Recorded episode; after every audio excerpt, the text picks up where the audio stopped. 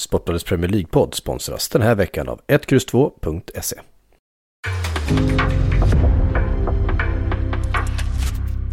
En podcast från Aftonbladet.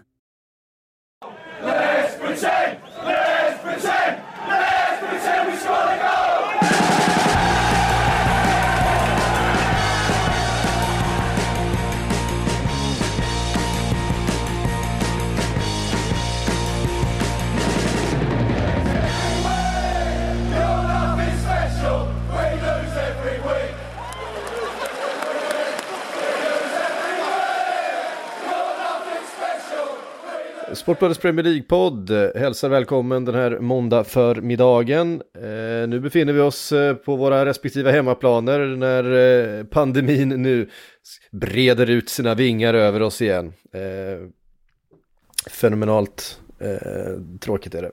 Hur som helst, Frida och Makoto, välkomna hit. Tackar. Tack. I det här, vad ska man säga, digitala rummet då. som vi befinner oss i. Dubbel omgång utav Premier League den här veckan eh, har vi att eh, greppa tag i. Dessutom en fa Cup-final som du var på Frida, som jag tänkte vi skulle eh, prata lite grann om. Vi har eh, Ralf Rangnick har tränat sin första match. Everton har sparkat, nej de har inte sparkat, han avgick själv. Eh, alltså, ja, det var väl någon sorts ömsesidig ja. lösning där väl. Ja, Eller Marcel precis. Brand som lämnar. Efter. Ja, det kan, ja, det, det kan man kan man väl säga. kan man väl det är lite, vi, kanske, vi kanske lika bra kan, kan avhandla det nu direkt så det finns ju inte sådär, ja, det finns väl mycket att säga om det men det är ju ändå, ehm, ja alltså Marcel Brands, sen han kom dit eller sen han tog jobbet 2018 så har ju faktiskt Everton spenderat 300 miljoner pund mm. på eh, transfermarknaden. Och det blir lätt att man, man hamnar i den fällan att Marcel Brands var totalt misslyckad. Men jag tycker faktiskt väldigt synd om honom i det här fallet. Det är, man, det är lite oklart hur mycket makt han faktiskt har haft. Eh, det känns som att Moshiri i alla fall har haft oerhört stort inflytande. Mm. Eh, fortfarande, inte minst när det kommer till tränarrekryteringar. Och även om eh, Brands gick med på de tidigare rekryteringarna så var han direkt emot att anställa Rafael Benitez. Och jag kan tänka mig att det delvis har att göra med nu att han faktiskt lämnar trots att han förlängde kontraktet så sent som i april. Och sen ska det också vara en konfrontation med en supporter som ska ha speedat på processen efter Merseyside-derbyt när väldigt många Everton-supportrar var besvikna. Eh, och det ska i sin tur ha, också ha bidragit till att han nu lämnar. Jag tror väl inte att Everton-fansen är sådär överlyckliga för att detta innebär ju att det är Moshiri och Benitez som styr Everton just nu. Och jag tycker väl själv inte att det är, ett, det är sådär särskilt lugnande. Ehm, så att ja, väntar ju match här mot Arsenal ikväll men det är väl klart att det ser ju oerhört prekärt ut för för klubben just nu. Alltså det känns ju spontant som att det hade varit ett bättre lösning för dem att ha kvar Moshiri Brands än Moshiri Benitez i det här läget. För jag håller helt med dig Frida att alltså, han har ju fått in en, vi minns ju Everton vad de höll på med på transfermarknaden för liksom, ja innan Brands kom in. Det var ju, man visste ju ungefär vad man skulle få, de skulle värva spelare som de kanske inte riktigt passar till klubben och inte riktigt har en idé med vad de håller på med. Brands tycker jag ändå har kommit in och gett dem en idé. Sen har det ju inte funkat överhuvudtaget med facit i hand sett till pengarna som spenderats. Oh. Sen vet vi inte hur, hur mycket inflytande han faktiskt har haft mm. över de spelarna de har rekryterat. rekryterat. Det är också en sån grej som som diskuteras att det kan till och med vara så att Moshiri har haft större inflytande än vad man har trott eller att tränarna i sin tur har haft större inflytande. Mm. Så att det är väldigt mycket som är oklart och som man inte riktigt vet heller. Nej men det är väl den känslan man haft och det var ju enormt dålig stämning efter Merseyside-derbyt eh, där alla skyllde på varann och Supportrarna skyllde på alla i, hela, i, i, i någon beslutande position. Och det är ju inte så konstigt. Det är som sagt, sen Moshiri kom in har det spenderats, alltså Brandt har spenderat 3,5 eh, miljarder ungefär. Men som jag kommer ihåg att sen Moshiri kom in har det spenderats 5 miljarder på spelare. Det är enorma pengar. Och eh, ändå så står man där med Salomon Rondon som man har liksom...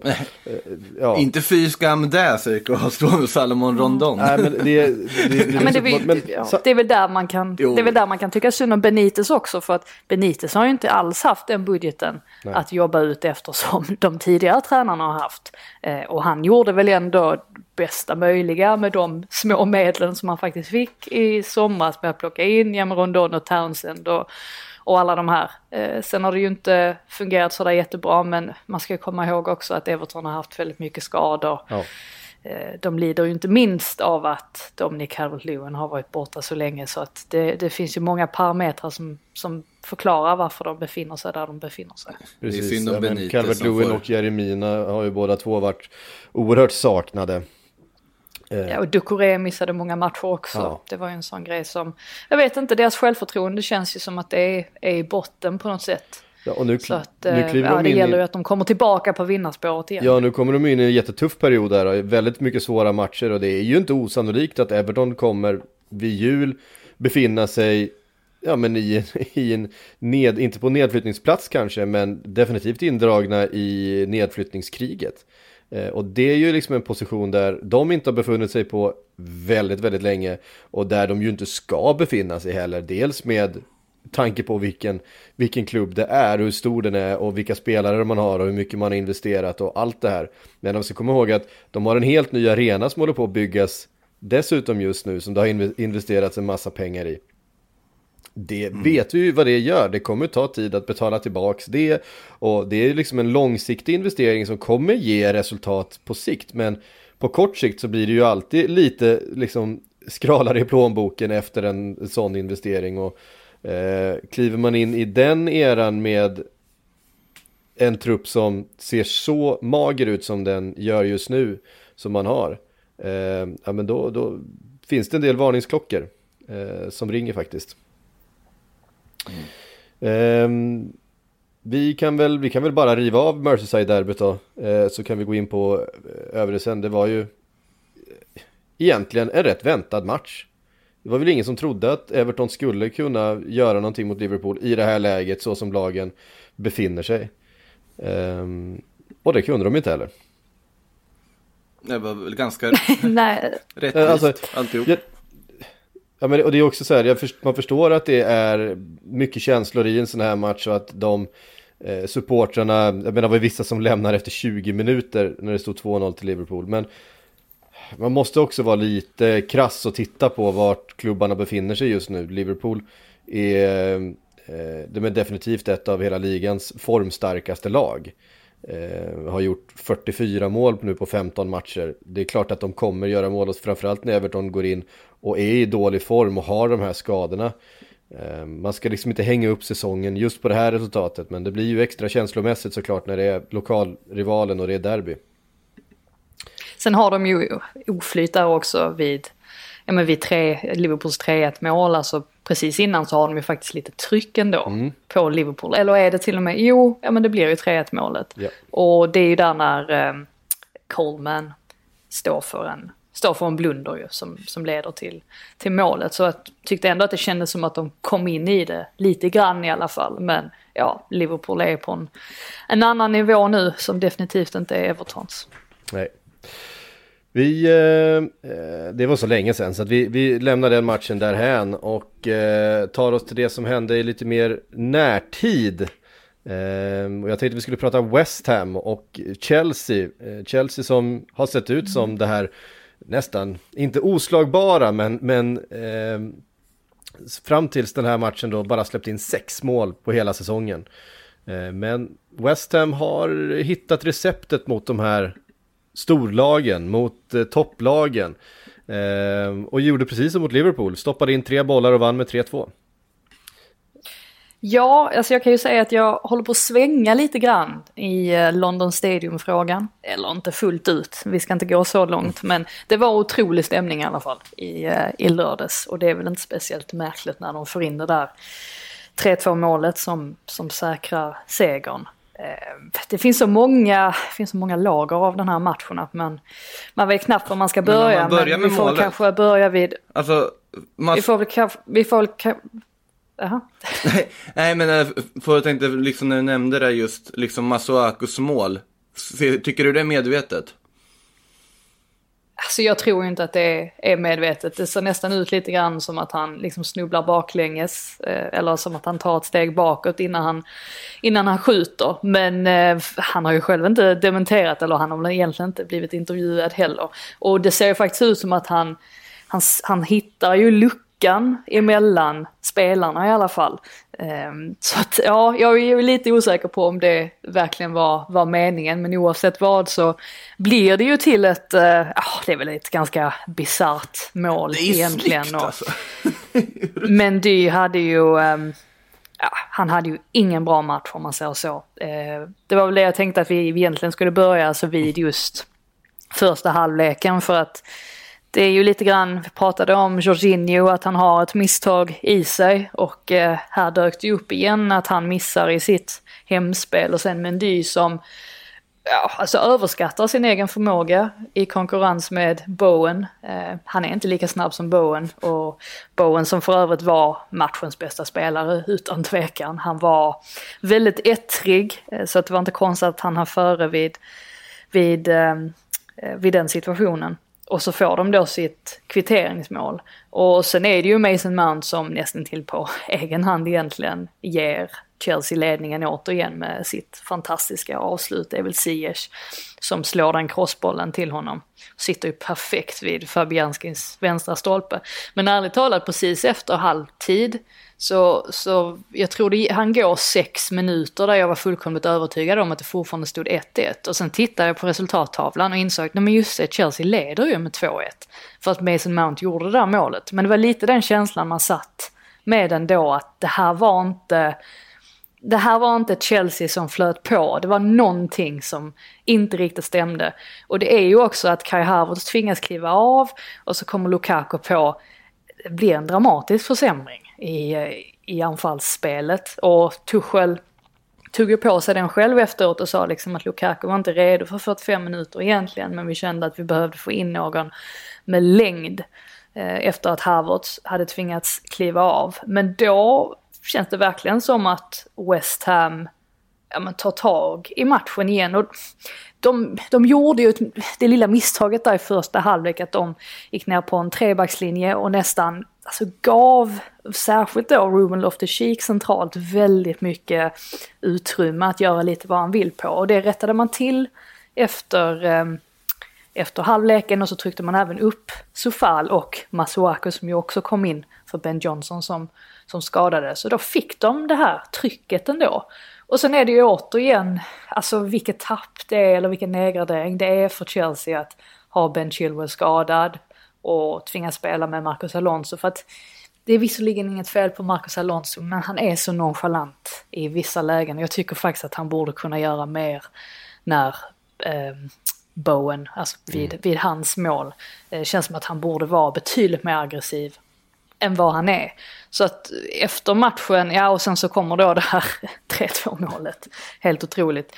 Så efter matchen så, så hängde de ju upp sig väldigt mycket på, eller i Chelseas fall då att de liksom gjorde för många individuella misstag. Men det är klart att det är lite oroväckande för att, jag menar matchen mot Watford, där hade de ju bara tur att de vann den matchen. Det skulle de ju inte ha gjort egentligen. Det var egentligen det här hjärtstoppet under första halvleken som kom lite som en räddare i nöden för deras del. För att då hade ju Watford, de hade ju verkligen tryckt på.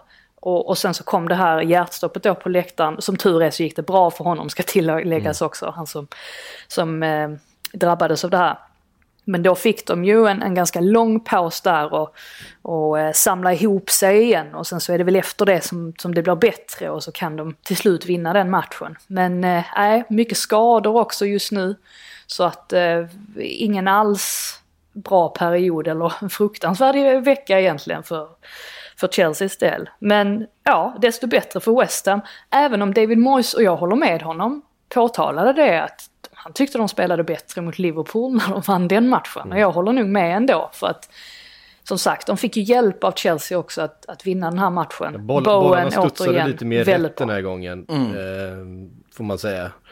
Eh, för, för, för West Ham. Men det behöver man ju. Det behöver man ju. Alltså titta på West Ham. Nu är ju de solo på fjärdeplatsen. Och de har, en liten, eh, de har en liten lucka ner till Manchester United. Eh, och Arsenal är det väl närmast som, eh, som jagar. Ehm, och jag ser inte, alltså kan man... Kan de få ehm, hålla sig hyfsat skadefria och bollarna kan studsa lite deras väg då ser jag inget hinder egentligen för att de skulle kunna försvara den där fjärdeplatsen hela säsongen ut. Faktiskt, så bra tycker jag de är. Ja, nu har de, fick ju de också skador här, alltså inte minst då Kurt Zuma som tvingades bryta och Ben Johnson också. Och det var väl det Moyes också sa att det är ju det man inte vill ha. De, de är fullt medvetna om att de inte har någon bred trupp. Och börjar det komma in, dyka upp sådana här skador titt som tätt och inte minst nu inför den här hektiska perioden, intensiva perioden och så dessutom då Europaspel eh, senare nästa år. Eh, alltså ja, det blir tufft att upprätthålla den här nivån vecka in och vecka ut så att det är ju fortfarande det, det största hotet mot att West Ham eh, ja, skulle ta den där fjärdeplatsen. Mm. Eller det som talar emot det mest. Alltså jag skulle ju säga att fortfarande om de skulle sluta topp 6 och ta Europa igen, om vi lägger liksom för, förväntningen där någonstans, så är det fortfarande en fantastisk bedrift bara det. Om de skulle med Europaspelet samtidigt lyckas upprätthålla en sån hög nivå att de tar en topp 6-placering över hela säsongen.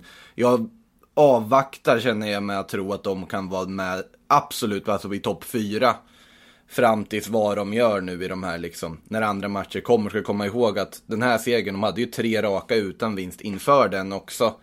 Eh, är inte helt, alltså i den här matchen absolut såklart det, det är välförtjänt sett till att de är så pass kliniska när de får möjligheterna som, som Chelsea mer eller mindre ger dem. Men jag vill avvakta med att se om de kan faktiskt vara där uppe i topp 4 och hålla sig kvar där över en hel säsong också, för det är väldigt, väldigt långt kvar i alla fall. Ja, nej, jag tror ju inte att de kommer på något sätt eh, knappa in någonting på de tre lagen framför, men däremot nej, nej, men det, det kvaliteten, kvaliteten där bakom. Eh, alltså, Tottenham kommer ju knappt, inte direkt, det är Tottenham som ligger närmast ska jag säga. Eh, de är två poäng bakom West Ham nu på femte plats. Sen är det ju då Tottenham, Manchester United och Arsenal eh, som är, som är eh, femma, sexa, sjua där. Och det är ju fortfarande lag som, eh, ja det är klart, får Ragnik igång det här Manchester United Eh, samtidigt, jag tycker att det finns eh, en del, han har, han har rätt mycket att jobba med om man säger så. Eh, så, så är väl de som ska hota, men jag tycker att West Ham ser, jag tycker de ser, ser så bra ut. Men det är ju framförallt för att man, eh, man har hittat receptet just mot de här lagen. Man vaggas liksom inte in i Chelseas eller Liverpools eller Manchester Citys matchrytm utan man, man är så bra på att störa den eh, och göra, eh, göra matchen till en kamp över hela planen. Eh, och, och där har man spelarna, där har man sin, jag menar, Antonio, Declan Rice och Jared Bowen och de här som är så otroligt bra på, på just den matchbilden. När det blir eh, lite svängigt, det blir mycket, mycket kamp, det blir spel över hela planen eh, och så är de väldigt välorganiserade bakåt. Eh, det de kanske behöver är väl då inte tappa poäng mot dem. De sämre lagen som backar hem där de måste helt och hållet föra eh, matchen själva. Ja, alltså de tappade ju poäng här mot Brighton tidigare i veckan, mm. eller tidigare förra veckan. Eh, när Neil Mopé, han bestämde sig för att helt plötsligt bara spruta in mål på stopptid. Eh, och gjorde det, stod ju för den här fantastiska cykelsparken. Ja. Så att eh, där ser man ju, det var väl lite en liten missräkning för, för deras del med tanke på att de ändå hade ledningen fram till 89 minuten. Ja, Men det, det är så Brighton kör nu för tiden. Man kan aldrig stänga av en match om Neil Mopé är på plan, då vet man att det kan hända precis vad som helst. Ja, precis vad som helst. Um, ja, men för menar, nu har man slagit både Liverpool och Chelsea i ligan uh, och Tottenham dessutom. Man har slagit ut Manchester United och Manchester City ur ligacupen. Uh, det, är en ganska, det är en ganska stadig höst ändå för, för West Ham får man säga. Verkligen. För eh, toppstriden då, vi var inne på eh, Liverpool-Everton. Liverpool mötte West Ham och på tal om man aldrig kan räkna ut någon när vi spelar det på planen så klev han ju fram mm, igen. Wolves. Ja, jag tänkte nu. Mötte de? Ja, Wolves, Wolves mötte de väl. West Ham. West Ham. Alltså, det var för att jag Jag förstår att du inte vill släppa West Ham för att det är ändå, det är väldigt kul att prata West Ham just nu. Ja, det är men... kul att prata West Ham. eh, Liverpool-Wolves, så det ser ut att bli en sån där match. Eh, Wolves försvarar sig bra. Eh, Diogo Jota skulle ju såklart gjort mål där när han är helt öppet och bara Eh, försvarare kvar. Jag vet inte riktigt vad, jag vet inte riktigt vad det var tankar på gamla lagkamrater som smög sig in i huvudet när han stod där, men han behöver ju bara rulla in den vid ena stolpen.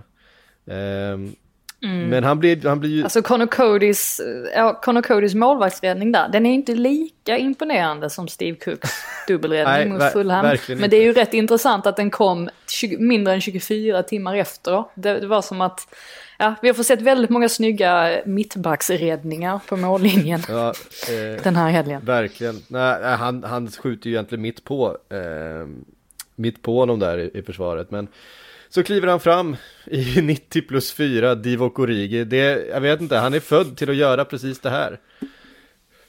Det är... Ja, det, ja men verkligen. Det, jag menar, det, det är helt det, det, otroligt hur många, ja, hur många sådana här mål han ska göra. Ja, det, det är ju helt, um, han gör inte, han spelar inte spe, spe, speciellt ofta, men när han väl spelar och när han väl gör mål så är det ju oftast något ja, men, något jättevärdefullt mål. Mm. Alltså det första som drar, dras till minnet är ju Merseyside Derby mot Everton för några år sedan. Mm. Han gör, det var ett jättekonstigt mål, var det inte det? Ja, ja, han liksom nej, det... får bollen mitt på huvudet. Jag vet inte hur, Nej, jag kommer det, inte ihåg exakt Det var ju en jättehög, jättehög boll från, eh, från eh, van Dijk, en snedträff. Det är ju matchens sista spark. Just det. Som håller på att gå mot ribban. Och Pickford hade ju bara behövt släppa den, för den hade ju gått bakom eh, ribban antagligen. Men han är uppe med handen och gräver fram den, för att han har lyckats inte riktigt läsa vart den ska ta vägen.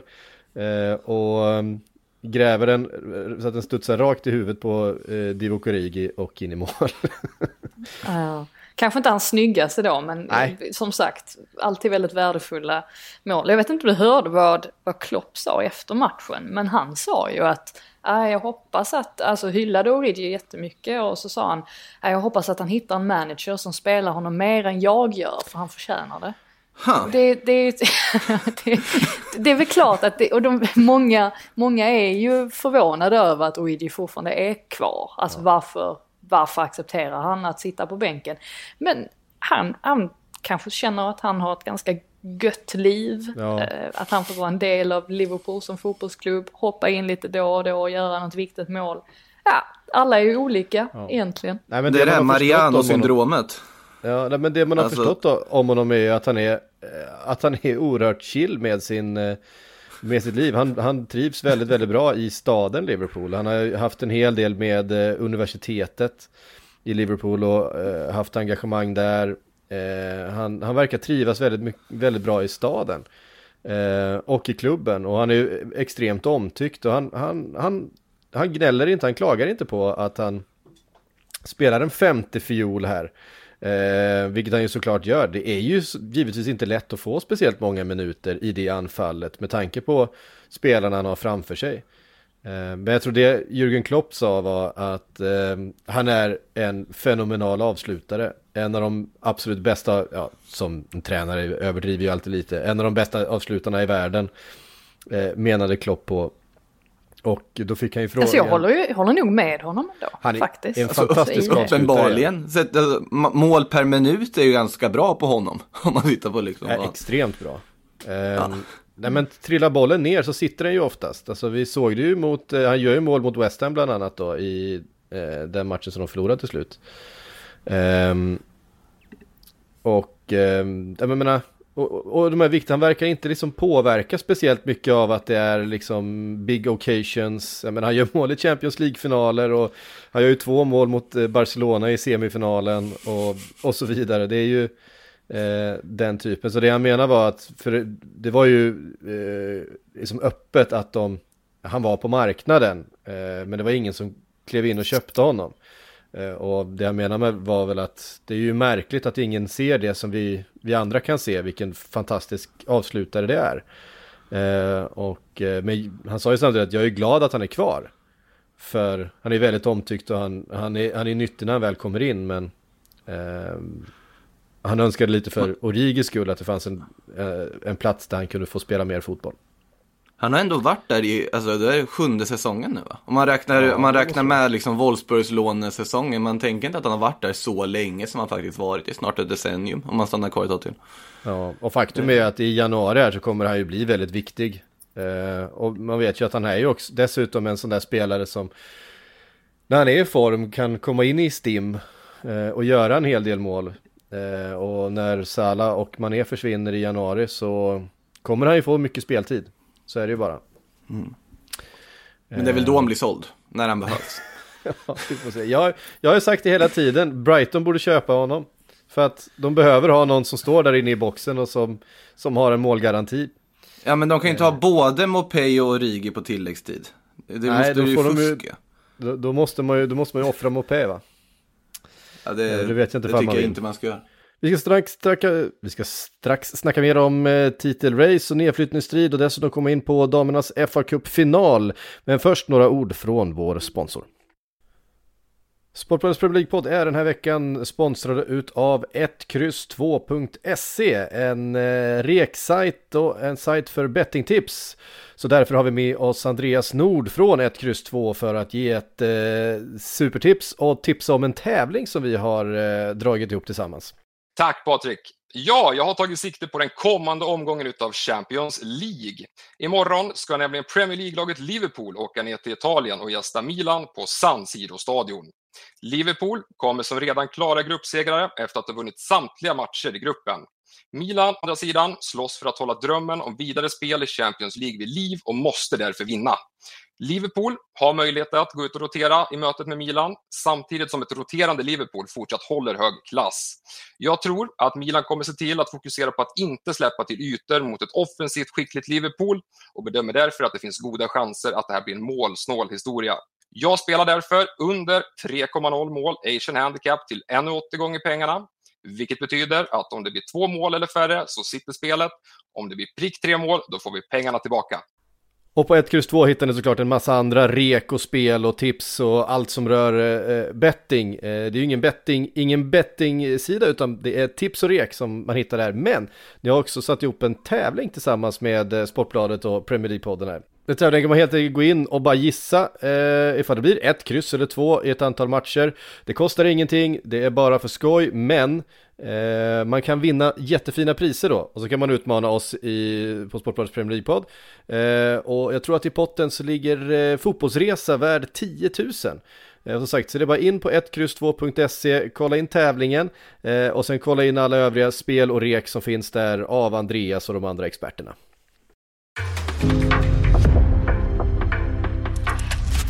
Manchester City, de eh, tappar inte många poäng. De eh, besegrade först Aston Villa i tidigare veckan, Steven Gerrards första förlust och sen Watford eh, städade, man, städade man dessutom undan. Det, det... Ja, alltså den första halvleken var... Eh, alltså det, ja, det, var, det var sensationellt bra alltså från Manchester City. Det, vilken, vilken power och vilken eh, kontroll de hade på den halvleken. Eh, 2-0 eller 0-2 underläge för Watfords del var ju smickrande för dem. Alltså Manchester City skulle ju lätt med, de skulle ju haft ledningen med 4-5-0 vid, vid det laget. Eh, sen eh, får man ju säga också att Alltså Danny Rose, han är en jättetrevlig kille att prata med men hans positionering vid Sterlings 1-0 mål det är ju direkt anskrämligt egentligen. Alltså det, det gick ju väldigt enkelt för Manchester City hela tiden att att spela sig igenom och hamna i lägen. Och eh, Grealish inte minst som spelade falsk nia här i, i denna matchen. Han kom ju till oändligt många möjligheter. Klev ju visserligen av mållös och hade ju ett väldigt långt samtal där med Guardiola precis efter att han hade klivit av. Det såg nästan ut som att Guardiola sa till honom att han liksom hyllade hans insats och sa till honom att han borde vara nöjd med, med insatsen överlag. Så att det var en sån, en sån sak som man noterade, men den stora, den stora stjärnan i den här matchen, och jag, jag blev nästan provocerad av att han inte blev utnämnd till matchens lirare, det var ju Bernardo Silva. Mm. Alltså yeah. vilken form han är i nu. Ja, precis. Alltså, han har ju sett ut så här de senaste veckorna, månaderna. Eh, och det är inte bara hans bollmässiga kvaliteter utan det är jobbet alltså, utan boll, hans positionering, förståelse för vad nästa passning kommer komma och så just det här att han gör målen också. Och målet mot, eh, ja, säga något går... om målet mot Aston Villa. Herregud ja, vilken jävla kontroll han har. Det är alltså. inte... Ja, det är inte dumt. Det är inte dumt om man säger så. Det, så, det krävs otroligt mycket kvalitet ja.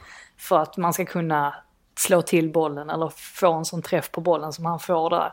Eh, jag, jag skulle vilja gå så långt som att säga att han är förmodligen formstarkast i ligan just nu. Sen vet jag att det är några i Liverpool som säkerligen har en del, och, eh, del att säga till om eh, när det kommer till den utnämningen. Men jag tycker, jag tycker bara att han är, han är helt makalös just nu. Det ska ju sägas att det var Raheem Sterling som fick eh, eller som blev utsedd till matchens lirare och det var klart att han var väl också bra men jag tyckte inte alls att jag tyckte att det här var Bernardo Silvas match återigen. Alltså det är sanslöst att tänka att det faktiskt var alltså genuina transferrykten kring Bernardo Silva till sämre klubbar i somras. När man ser vad han håller på med just nu. Uh, det, med facit i hand, väldigt tur att man, han blev kvar och inte liksom gick någonstans och att han då jag vet, alltså vi vet ju vilken kvalitet den här spelaren har, men det känns som att han, nu är han ju verkligen i sin livsform på något sätt och, bara, och gör ju poäng på ett helt annat sätt också. Så att eh, otroligt sevärt just nu att se Bernardo Silva spela fotboll. Och han ville ju bort själv för att han var ju inte nöjd med, med den speltiden han fick och satt mycket på bänken. Eh, har gjort det i perioder men Guardiola eh, har ju den där förmågan att nej men vänta nu bara, din, det är liksom eh, han har någon slags plan som är svår att tyda men han lyckas hela tiden få eh, spelare att, att, eh, att hitta den här formen. Eh, men menar, vi har pratat om Kevin De Bruyne de senaste säsongerna som ligans allra bästa spelare. Vi har varit inne på Phil Foden, hur fantastiskt bra han har varit. Nu är han skadad och sen Bernardo Silva nu och, och fler spelare liksom runt omkring som han mm. som har varit in och ut ur, eh, ur startelvan. Men som ändå kan komma in och bara på kort tid hitta en form så de ser ut som en av världens absolut bästa spelare. Och det är, ja, han har något. Ja, alltså Ferran Torres sitter ju den situationen just nu ju. Mm, alltså han är ju en av de där spelarna som hade en bra period och sen så får han inte spela plötsligt och då vill han till Barcelona och sådär. Men det är, ju, det är ju lite grann, det är precis som du är inne på, det är ju Guardiolas arbetssätt. Han är ju skoningslös på det sättet att han att han kan hålla vissa spelare utanför startelvan om de inte är på den nivån för att det finns en otrolig konkurrens. Det blir också lite ironiskt när Guardiola sitter och pratar om att han har mycket skador och så tittar man på laget och bara ja fast jag tror liksom att det finns andra som har det värre, lite så. Uh, nej, alltså de, de kan ju på något sätt hela tiden begära 100% av sina spelare och, och hela tiden hålla dem hungriga just för att det finns så himla många alternativ hela tiden. Du måste prestera på den yttersta nivån annars, annars tappar du din plats och det vet ju alla om. Mm. Det, är ju, det är ju ändå förvånansvärt hur liksom konfliktfritt det faktiskt varit i den klubben sett till just den liksom approach Guardiola har. Alltså, för... Det har det ju inte varit. Ja, men alltså, det har ju varit hur mycket rykten som helst. Jo, jo, men alltså sammanta samman... ja, men sammantaget så känns det som, ja det är fortfarande rykten om att spelare ska flytta på sig och så vidare, men samtidigt så har du ju ändå lyckats få en, ett kollektiv som någorlunda fungerar väl på plan. Det, kan, det är såklart det ryktas ja. om att Raheem Sterling vill lämna, om att Ferran Torres vill lämna och så vidare, men på något sätt så kommer de ju ändå in och spelar igen förr eller senare.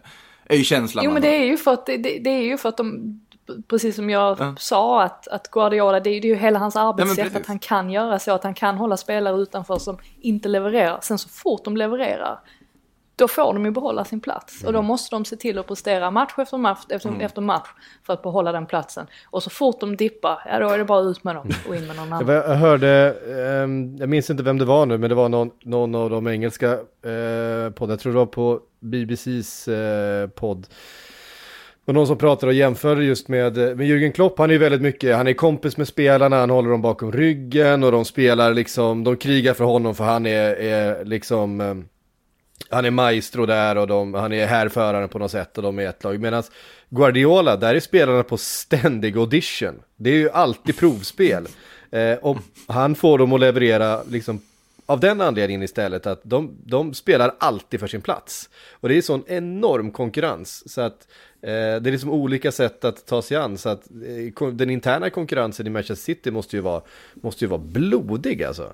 Med tanke på hur kvaliteten som finns runt omkring och att det faktiskt bara finns, det är faktiskt bara tio utespelare som kan spela per match.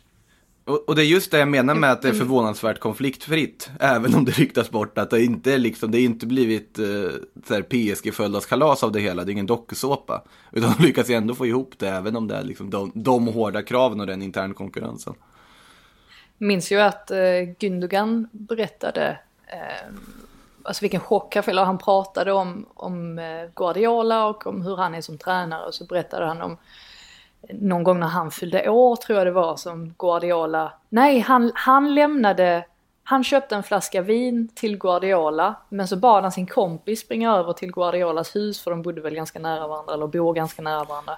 Att han vågade inte göra det själv eller någonting sånt. Och sen så kom Guardiola förbi lite senare och och tackade så mycket för den och hade med sig vinflaskan och delade den med Gündogan. Och han var liksom i helt chocktillstånd över att han kunde göra en sån sak. Och det visar ju definitivt att de har distans just alltså mellan, alltså Guardiola ser till att hålla distans mellan honom och sina spelare. Och det är också ett arbetssätt och uppenbarligen så har det ju resulterat i en del ligatitlar de senaste mm. åren. Nej, precis. Um, han, är ju, han är ju speciell och intensiv. Guardiola. Uh, verkar... Uh, inte var allt. Alltså man glömmer ju aldrig de där bilderna från Bayern München när de filmade på träningen. När han liksom gick och slet i Lewandowski och, och olika storstjärnor. Nej, du ska inte stå här, du ska stå här. Och liksom bara drog i dem som femåringar. Eh, med liksom adrenalinet sprutande ur ögonen. Eh, ja, det är en, en speciell figur. Eh, frågan är då ifall Ralf Rangnick kan göra något motsvarande med Manchester United. Eh, en liten effekt har vi väl sett redan i alla fall. Det var en, eh, en okej okay match mot eh, Crystal Palace, framförallt första halvtimmen såg de inspirerade ut. Eh, Manchester United efter att eh, också ha vunnit mot Arsenal tidigare i veckan. Då var ju Ralf Rangnick på läktaren, men eh, en liten, eh, en liten bounce kanske redan då, då av att eh, nya metoder och nytt blod in till den tränarstaben. Ja, alltså de Gea stod ju eh, på fötterna nu i alla fall. Eller vad säger man? Stod på benen. Ja, det är helt sjukt. Till skillnad från uh, mötet med Arsenal. Det var ju det målet. Det kommer gå till historien som... Ja men det är, jag tycker nästan att det är mer bisarrt än badbollsmålet. Ja det är ju, uh, det är ju där uppe alltså. Fast alltså bad, ja. badbollen är ju någon så här liksom, det blir så svårt att lägga någon Alltså värdering i hur vi var rätt eller inte, för det är plötsligt något helt annat som dyker upp. I det här fallet kändes det som att alla överens om att målet var korrekt. Absolut. Ja. Ja, ja. ja, ja. Gud, ja. Men jag jo, alltså det är ett bisarrt mål, absolut. Men jag, ja. liksom... Freakmål. Ja, det var ju ett... Eh, ja. Det var ju ett freakmål och var... Eh, jag vet inte, har, har de Gea själv uttalat sig om målet efter? Jag har faktiskt inte sett något. Nej, jag har inte heller sett någonting med vad ska han... Eh alltså visst de protesterade efter det målet men det fattar jag inte riktigt varför de gör. Sen var det kanske så att vissa inte förstod att det faktiskt var Fred som var närmst. Så att det var ju liksom ingen, eh, att det inte var någon motspelare. Men eh, ja, han måste ha känt sig dum i alla fall, det sker i, i samband med den situationen. Eh, sen firade ju Arsenal-spelarna väldigt väldigt intensivt också. Jag, jag, tror inte att det gjorde saken bättre. Stämningen var nog väldigt, väldigt obehaglig. Men å andra sidan fick de ju sista ordet i den matchen ju, mm. så att de var väl glada ändå. Men man var ju väldigt spänd på att se hur Ragnik skulle förändra, alltså inte minst alltså rent formationsmässigt. Och eh, här körde han ju på en eh, 4-2-2-2 vilket var ganska väntat ändå. Där han tillät Dalot som eh, uppenbarligen går före Wan-Bissaka och Telles då att trycka upp väldigt högt och pratade om det här att han ville ha mer kontroll centralt då med två anfallare högst upp. Och, vilket passar Lindelöf väldigt bra också. Just det här att de Alltså hela laget låg mycket högre än vad man har gjort i, i, tidigare matcher. Och han är ju en sån spelare som är ganska bra på det här att kliva upp högt och sen kan han leverera sina fina djupledspassningar som vi vet att han kan slå. Så att han verkar ju vara någon som verkligen, eh, alltså drar fördel av det här spelsättet. Och eh, Cristiano Ronaldo, till och med han, har börjat eh, pressa. Mm. Och Ragnik sa väl det efter matchen också att ja, man måste sluta prata om Ronaldo som att han inte kan pressa. Han stod ju för tre återerövringar här på sista tredjedelen och det är fler än vad han dittills hade gjort under hela säsongen. eh, Manchester United hade to totalt 12 återövningar mm. på eh, sista tredjedelen. Så att eh, statistiken talar ju för att han verkligen har eh, fått eld under fötterna om man säger så. Sen har ju Ayew det här enorma läget precis innan Freds väldigt fina mål får man säga. Verkligen. Så att eh, Crystal Palace hade ju ändå kunnat få ut någonting av det. Men eh, det kändes väl överlag som att de ändå förtjänade den här segern, Man United. Och ja, alltså nu ska de lyckas hålla den här intensiteten i inte bara en halvtimme utan som Manchester City gör, alltså under 90 minuter. Och det är ju såklart väldigt mycket svårare att göra det. Men eh, en, en bra start för Ragnik får man ju säga. Fred har ju verkligen, alltså inte bara målet här nu, men också hur han studsat tillbaka i matchen mot Arsenal med den här jättefina assisten till Bruno och så vidare som han gör. Det känns ju som han, det passar ju honom också det här nya liksom, systemet och order. Det känns i alla fall så, tycker jag han var alldeles strålande i den här matchen, även också med liksom toppen av det med det målet såklart. Men eh, det blir väldigt spännande att följa. Sen med Lindelöf så är frågan när Varann är tillbaka. Ska det bli väldigt spännande att se om det är Maguire eller Lindelöf som får flytta på sig i en startelva. För det, det känns ju som Varann kommer ju gå in oavsett. Men frågan det, är vem man... Måste han ju göra. Nej, det, det blir ju Lindelöf som får flytta på sig. Um, Maguire är ju Man kan inte vara säker ändå. Nej, nej, nej alltså Ralf Rangnick är väl inte känd för att vara, för att vara någon, någon diplomat på det sättet. Eh, utan han, eh, han kommer ju vara skoningslös i sina, sina laguttagningar. Och det, vi måste säga något om Fred också. Som ju eh, har en, haft en, en skakig höst får man säga. Men vart, eh, vad säger man, instrumental Eh, han har varit central i de här två segrarna i alla fall. Dels eh, mm. segermålet då såklart eh, mot Crystal Palace men också eh, jättefin assist som tar United in i matchen mot, eh, mot Arsenal i underläget där. Och, och sett, sett helt okej okay ut tycker jag. Jag är ju jag är ju fortfarande inte helt såld. Eh, Nej, det är ingen är helt såld på Fred. Säga. Jag tror aldrig någon kommer bli helt såld Nej, på Fred. däremot så verkar han vara en, han verkar vara en fantastisk människa, alltså utanför planen. Och eh, verkar vara en sån som, som sprider väldigt mycket glädje hos de andra. Det låter otroligt klyschigt men ja, det, det, är i alla fall den känslan man får. Så att jag är glad för, för Freds skull, för att han får utstå väldigt mycket kritik inte minst från mig. Men eh, eh därför, och han har ju det här, vad var det, eh, jag tror att Bruno Fernandes sa i sin intervju att ja, han har ju ett sånt här mål i sig om året, sa han. Och det var ju kanske lite hårt, men jag, jag, kan väl tänka mig att han skojade lite, eller att han hade en liten skämtsam underton när han sa det. Men jag är i mål med högerfoten här, inte vänster. Ragnik var ju otroligt förvirrad av det, fick fråga sin assisterande, jag antar att det var Mike Phelan då kanske, mm om, om det verkligen kunde stämma. Men eh, det gjorde det ju. Så att eh, kul ändå att, att Fred får fira lite. Vad säger vi om, eller vad ska man dra för växlar av Elangas inhopp då? För det var ju otroligt uppiggande att se att han får så många minuter som han får. Och överraskande också till viss del. Ja, alltså det jag fick, fick höra eller eh, fick till mig det var ju att eh, det berodde på att ja, men Lingard och Martial var ju mm eh, hade ju skavanker eh, och sen så ville ju Ragnik då, han var väldigt tydlig med att han ville spela med, med eh, två spelare up front och eh, då passade det bäst att eh, ta med Elanga i truppen. Men det är fortfarande osäkert om det är så att han kommer tänka sig att släppa Elanga på lån nu i januari eller om han kommer bli kvar det är fortfarande inte helt klart. Men det lär ju inte bli någon januari-turné i Portugal i alla fall som Jan Andersson har hoppats på. Mm, med tanke på att Lingard ska till Real Madrid så kan det vara bra att spela in en, en, en ja. forward där. O, oerhört Real Madrid-kompatibel. Ja. Riktig galaktiker. Real Madrid-DNA. mm.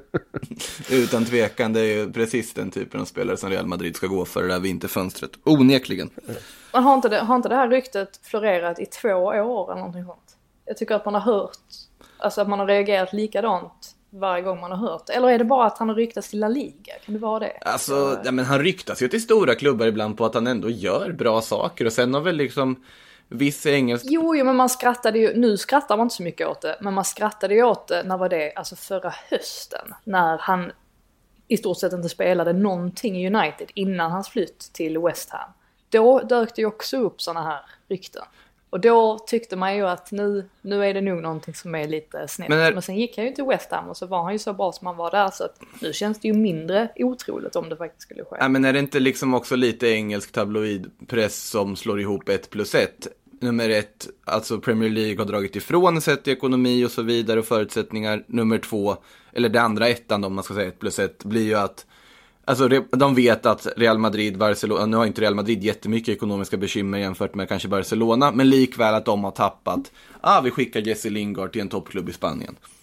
Typ så. Jag tycker fortfarande det känns fullkomligt osannolikt att något sånt skulle ske i, eh, i och för sig, i alla fall till Real Madrid kan jag ju inte se det hända. Sen att typ och jag har svårt att säga att Xavi skulle pinpointa in honom till Barcelona eller något. Men oavsett vad så borde han ju försöka röra på sig i vinter i alla fall. För att nu även om han har haft skadeproblem här så behöver han ju mer speltid än vad han får. Mm. Eh, ja, alltså Jesse Lingard har, har blivit, alltså han, han har gått från att vara den eviga talangen till att bli någon slags underskattad spelare. Eh, efter, efter sessionen i, ja, i, nu, i, i West Ham. Ja, men med tanke på hur bra han var i West Ham. Och hur lite ja, speltid han får. Underskattad.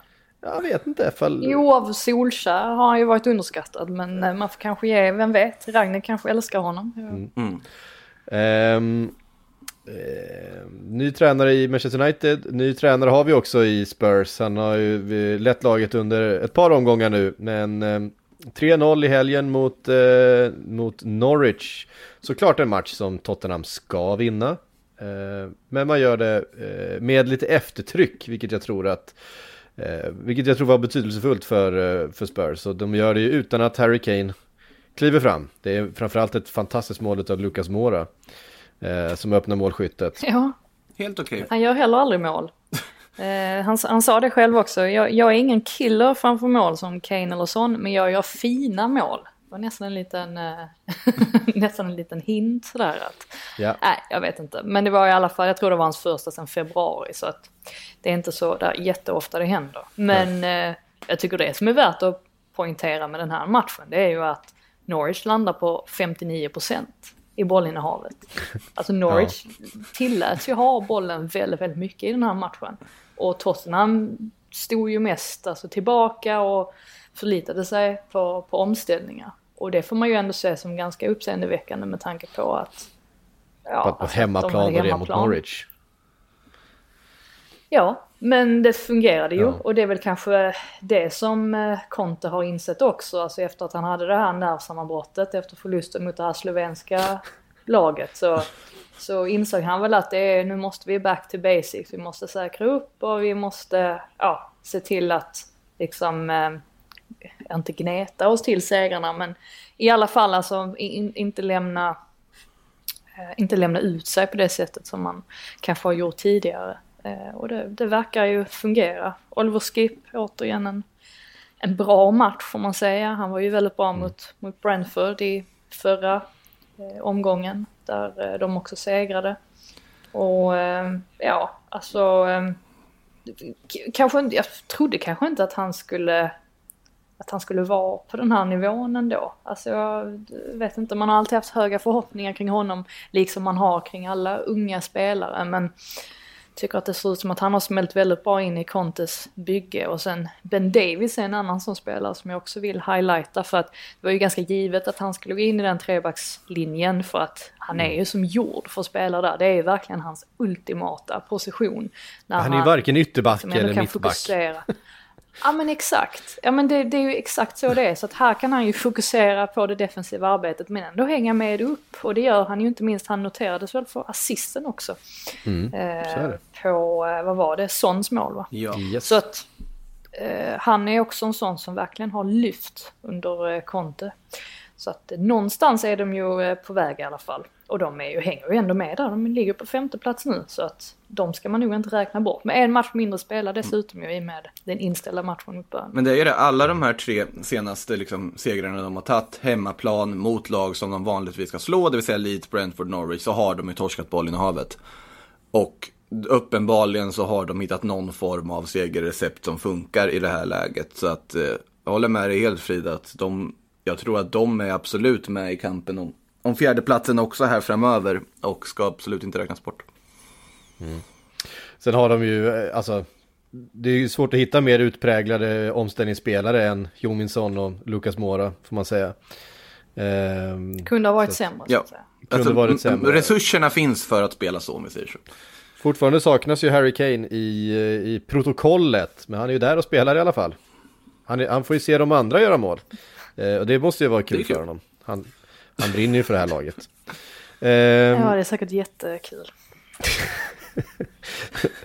eh, vi går vidare till eh, Newcastle som eh, noterades för sin första trepoängare då när man slog Burnley med 1-0 eh, i helgen. Efter att man skulle ju ta den där första trean då mot, mot Norwich var det tänkt i eh, förra veckan, men eh, förra omgången, men det lyckades man slarva bort genom att eh, Kieran Clark drar på sig rött kort efter nio minuter.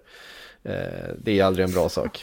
Eh, och höll kan... ändå på att eh, ta hem segern ändå, bara det ja, då, Ja, det var en fruktansvärt dålig match av alla inblandade. Eh, det, var, det, blev, det blev oavgjort till slut och det, båda lagen ska verkligen skämmas för det krysset. Eh, Norwich, Norwich får ju spela med till en... Med, en... Ja, nej, men till och med ja. Norwich-ägaren Delia, hon somnade väl på läktaren. Alltså, det var så, det var så pass. Ja, äh, Hemskt också, varför måste tv-kameran zooma in på henne när hon gör det? Hon är ju gammal. Och, ja. Låt henne alltså, sova om hon vill. Liksom. Ja, Norwich får alltså spela med en man mer i, i, 89, eh, eller i 81 minut plus eh, tillägg då, så nästan, ja men det var ganska många tilläggsminuter vill jag minnas. Eh, och lyckas liksom inte skapa någonting framåt i stort sett. De har den situationen när, i omställningen när det blir rött kort efter nio minuter. Och sen när man spelar med en man mer så lyckas man inte skapa någonting överhuvudtaget. Man har någon slags tryck framåt men eh, Newcastle får bara kontra och kontra. Och Newcastle får då liksom helt rättvist in eh, ett mål. Men orkar ju inte i mer än, än 70 minuter och då lyckas Norwich skapa lite grann. Nej, det var en bedrövlig match. Men Newcastle kunde ta tre poäng mot Burnley i, eh, eh var det i förrgår. Och eh, eh, Callum Wilson, snyggt mål. det där är inte lätt att, att borra upp den även om han har slagit målvakten redan. Eh, det känns viktigt för Nej, det var ju, Newcastle. det är ju Pope.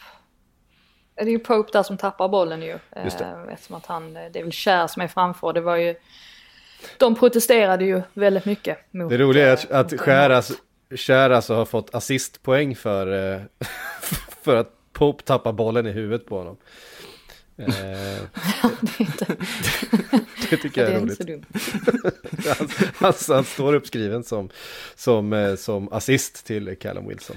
Eh, Alla assist Måste väl sägas också att vi har ju varit väldigt, vi har ju varit väldigt nedlåtande mot John Joe Shelby, men han vann ju faktiskt mittfältskampen också. Får man ändå ja. konstatera. Det gjorde han, och han var faktiskt, han var faktiskt den enda som var riktigt bra på planen mot eh, Norwich också. Han var klart bäst på plan eh, i den matchen. Så han kanske kan hitta tillbaks till eh, någon slags form här eh, igen. Och då, hans högsta nivå vet vi är, är hög. Eh, vi vet också att hans lägsta nivå är rätt låg. Så att eh, det är alltid en, en liten slantsingling att ha. Spelare, en, en annan spelare som jag också tycker har fått ett lyft under här, det är ju Joey Linton. Så mm. att nu har de ju ändå, precis som vi, jag tror vi pratade om det i förra avsnittet, så behöver inte dra det igen liksom. Men att de ändå har San Maximan och Wilson och Joey Linton. Det är inga dumma spelare så att jag tror fortfarande att de kommer klara sig kvar.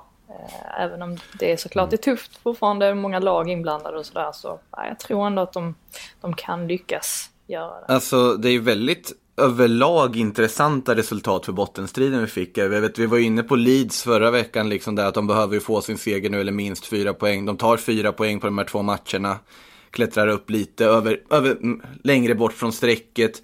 Vi har liksom tre lag på alla på 10 poäng efter det i och med att Newcastle nu fick sin seger.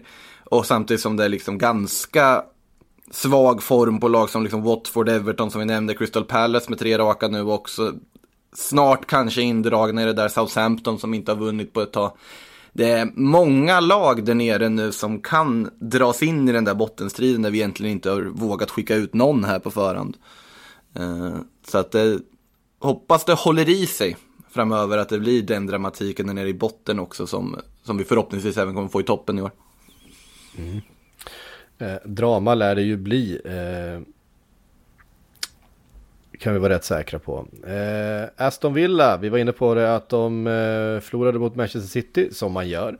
Eh, I veckan revanscherade sig direkt här med eh, 2-1 mot Leicester. Leicester som eh, har en tuff säsong, verkligen. Eh, kommer inte alls upp i, i den nivån som vi har varit vana vid från de senaste säsongerna.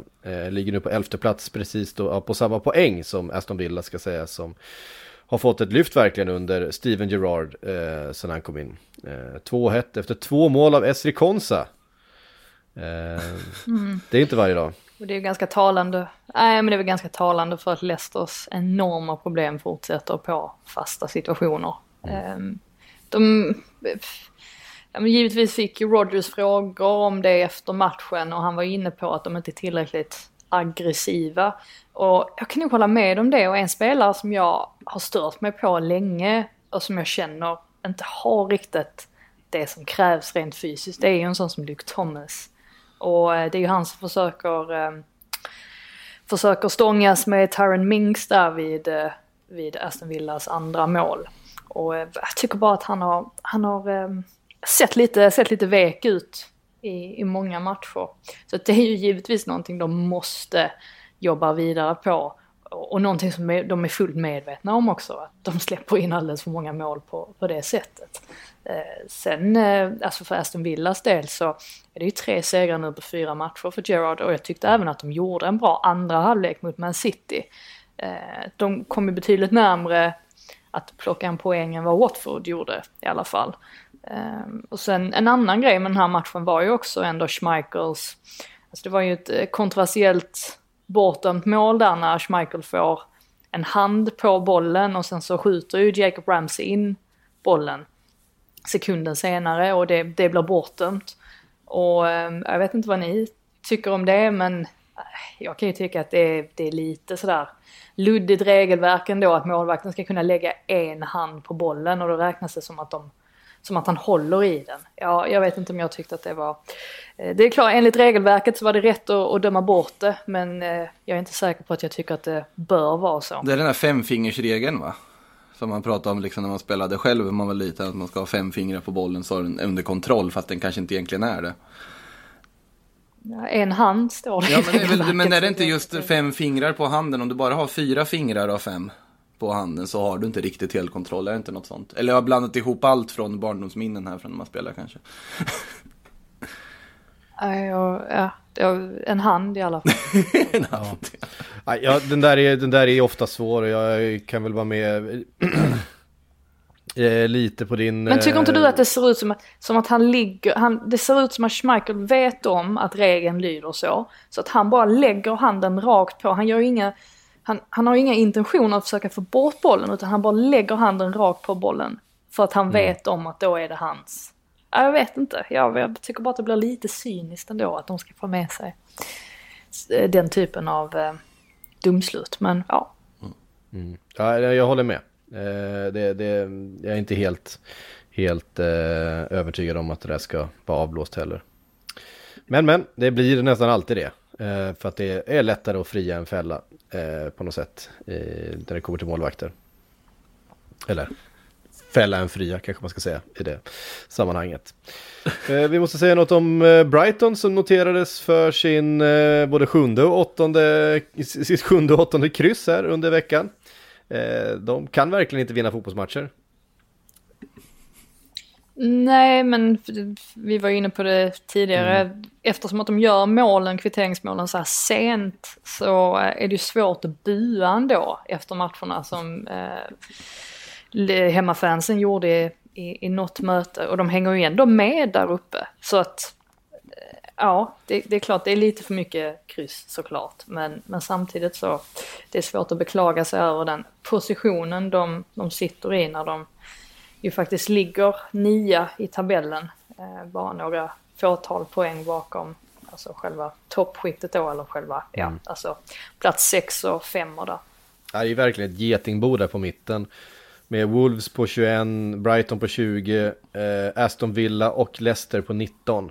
Eh, som alla då jagar de där eh, topp 6 eh, som just nu är då Manchester United på 24 poäng. Så att de är ju ett, ett skick strax bakom och sen så kommer eh, Brentford och Crystal Palace och Leeds eh, några poäng eh, bakom dem. Så att eh, det har väl eh, segmenterat sig lite grann i alla fall. Ett, eh, ett mittenskikt där, där där Brighton befinner sig och det är ju ett bra resultat för Brighton. Det är bara det att åtta kryss på 15 matcher, det blir lite frustrerande för, för fansen. Det, det, och det var ju rätt länge sedan de vann en match nu. Ja. Uh... Ja, men, men om man ska bara ta det här eh, eh kvitteringsmålet då som de ändå gör mot Southampton på, ja men alltså det var ju, vad var det, 98 minuten. Alltså det var ju hur sent mm. som helst. Absolut. Eh, där är det ju faktiskt, alltså där kan man ändå ifrågasätta Southampton, alltså vad de sysslar med för att enligt Hassenhüttel så var McCarthy, han var ljumskskadad i slutet så han kunde, han kunde inte ta sina, sina insparkar på egen hand utan det var en försvarare som klev ner och gjorde det. Och så inför den här frisparken då som är det absolut sista som händer i matchen så ser man hur McCarthy är med, han skickar upp om det är Walker Peters kanske och säger att nej, nej jag behöver ingen på mållinjen, eh, går du upp. Men då är det som att Ward Prowse, jag vet inte om han tar det beslutet själv eller om han blir tillsagd. För då går han istället ner på mållinjen. Och det är ju han som är anledningen till att eh, Mopé sen är onside, för att han inte hinner upp. Eh, och som då gör kvitteringsmålet. Så att där ställer de ju verkligen till det eh, för sig själva. Eh, och jag tror att Southampton faktiskt är det lag som har tappat, eh, tappat flest poäng från vinnande position under säsongen. Ehm, och det bör väl motståndare vara medvetna om också så att det kanske är att man behåller tron hela vägen ut och det är ju ett enormt problem för, för Southampton för att de vinner ju inte heller speciellt många matcher. Nej. Nej, man kan säga det att eh, ja, det var problem för Southampton, men jag bara noterade jag gick tillbaka och kollade här på Brightons resultat. Och senast de vann en match var alltså 19 september. Eh, och då stod man på fyra, de fyra segrarna man har nu då. Sen har det eh, det man har haft sedan 19 september det är åtta kryss och två förluster. Eh, och visserligen har de förlusterna då kommit mot eh, Manchester City och Aston Villa. Eh, men eh, ja, det är ändå förståeligt att det, att det knorras lite från, från läktarna även om man räddar många poäng här nu på, på slutet så så var det länge sedan. Ja, jag kan inte förstå det. Alltså. Jag kan inte förstå det när man är Brighton, när man har haft så mycket skador och alltså var, någonstans får man ju liksom komma ner på jorden också. En match till vi tänkte, och två lag som jag tänkte vi skulle prata lite grann innan vi eh, svarar på de frågor och knyter ihop för idag. Eh, Leeds Brentford, 2-2 slutade den matchen. Eh, efter mål av Patrick Bamford bland annat. Som har saknats den här säsongen. Eh, två lag som, ja. eh, framförallt, framförallt Leeds som ju verkligen behöver poäng här. De har riskerat att halka ner i det där bottenträsket men, men eh, revanscherat sig lite nu på slutet. Ja, det, det, var ju inte det mest intressanta som hände i den här matchen och i, i, eller kring den här matchen. Jag vet inte om ni noterade att Viktor Orta fick ju, eh, alltså han tappade ju det helt efter eh, Bamfords 1-1 2-2 eh, mål där. Han hade ju uppenbarligen haft någon beef på läktaren med någon och fick ju liksom hållas tillbaka av vakt, eller det var inte vakter men var det, alltså jag tror det var han Angus, han är ordföranden. Han var, han var fullständigt eh, galen i alla fall. Eh, så mycket kan man säga. Så att eh, det var väl skönt att han fick, eh, fick fira det där kvitteringsmålet. Det var mycket känslor. Överlag mm. verkade det ju vara på Ellen Rowe. Noterade också att eh, Kanos det var ju lite sådär eh, magstarkt ändå, eller magstarkt snarare våghalsigt att fira sitt mål framför Leeds-supportrarna. Det gör man ju sällan ostraffat. Nej. Eh, domaren var väl framme också och bad honom liksom att gå därifrån. Han fick väl någonting kastat på sig också. Jag vet inte riktigt, det var väldigt, eh, väldigt stökigt. Men ja, alltså Leeds-supportrarna är inte kända som de mest förlåtande. Mest harmoniska. Mest nej, harmoniska, nej. Eh, definitivt inte. Så att det var verkligen våghalsigt. Men ja, väldigt viktigt för, eh, för Leeds att Bamford är tillbaka. De åkte på några nya skador här med tidig skada på Cooper och sen så Kevin Phillips fick ju också kliva av. Det är ju det mm. sista de, de behöver. Eh, Brentford, alltså, de var, ganska, de var ganska nöjda överlag med sin insats. Eller det var klart att eh, Thomas Frank inte var nöjd med att de släppte in ett kvitteringsmål så sent men han tyckte ändå att det kändes som att de gjorde allt de eh, kunde. Så att eh, ja, en, en viktig poäng var egentligen för båda lagen om man säger så. Ja, precis. Nej, men det är klart surt för Brentford att tappa poäng eh, sådär i det sista som händer i matchen. Eh, men eh, 2-2 är väl ganska rättvist i slutändan ändå tror jag. Eh, med tanke på, men eh, som sagt, Leeds, för dem känns det som att eh, den här poängen, att rädda den sent, det kan vara en sån grej som får igång maskineriet igen och, och kan kanske klättra till lite säkrare mark i tabellen. Nu ligger de väl med ett antal poäng ner till nedflyttningsstrecket. De har ändå tagit några poäng nu på slutet. Eh, det var den där segern i veckan som var det viktigaste där liksom. Att mm. få den ja, också precis. och få ändå den poängskörden de har fått här. Då lämnar vi Premier League där och uh, går över till FA Cup-finalen Frida. Stämning på Wembley, eller vad säger vi?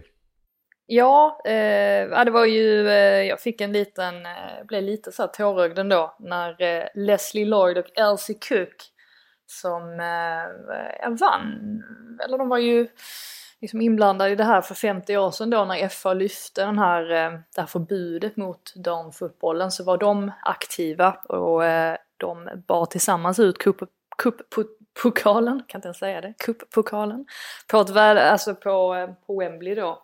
Och såg ju väldigt rörda ut när de gjorde detta så det var ju en stor dag för alla. Det ska ju sägas att det var den 5 december eh, 1921 så förbjöds damfotboll. Så att det var verkligen på dagen, 100 år sedan, som det, det inträffade. Så att det var ett speciellt datum på många sätt. Och eh, det har varit väldigt intressant att följa den här ja, duellen nästan mellan Emma Hayes och Jonas Edevall då, som tränar Arsenal ända sedan säsong, säsongsöppningen för att han blev ju inte populär där Edevall när han eh, han firade ju väldigt eh, intensivt och dramatiskt på The Emirates när Arsenal plockade hem segern där mot Chelsea och det, det, det alltså, har märkts att det har eh, irriterat Hayes.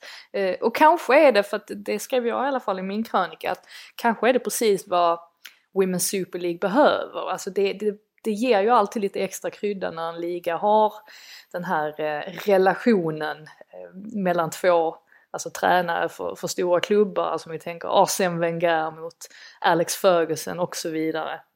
Så att det har de ju verkligen fått nu i Hayes mot Eidevall. Men i den här matchen så hade Arsenal verkligen ingen chans. Det var Chelsea från början till slut. Chelsea hade kunnat haft ledningen med 3-4-0 i halvtid och Kö gjorde några riktigt fina mål.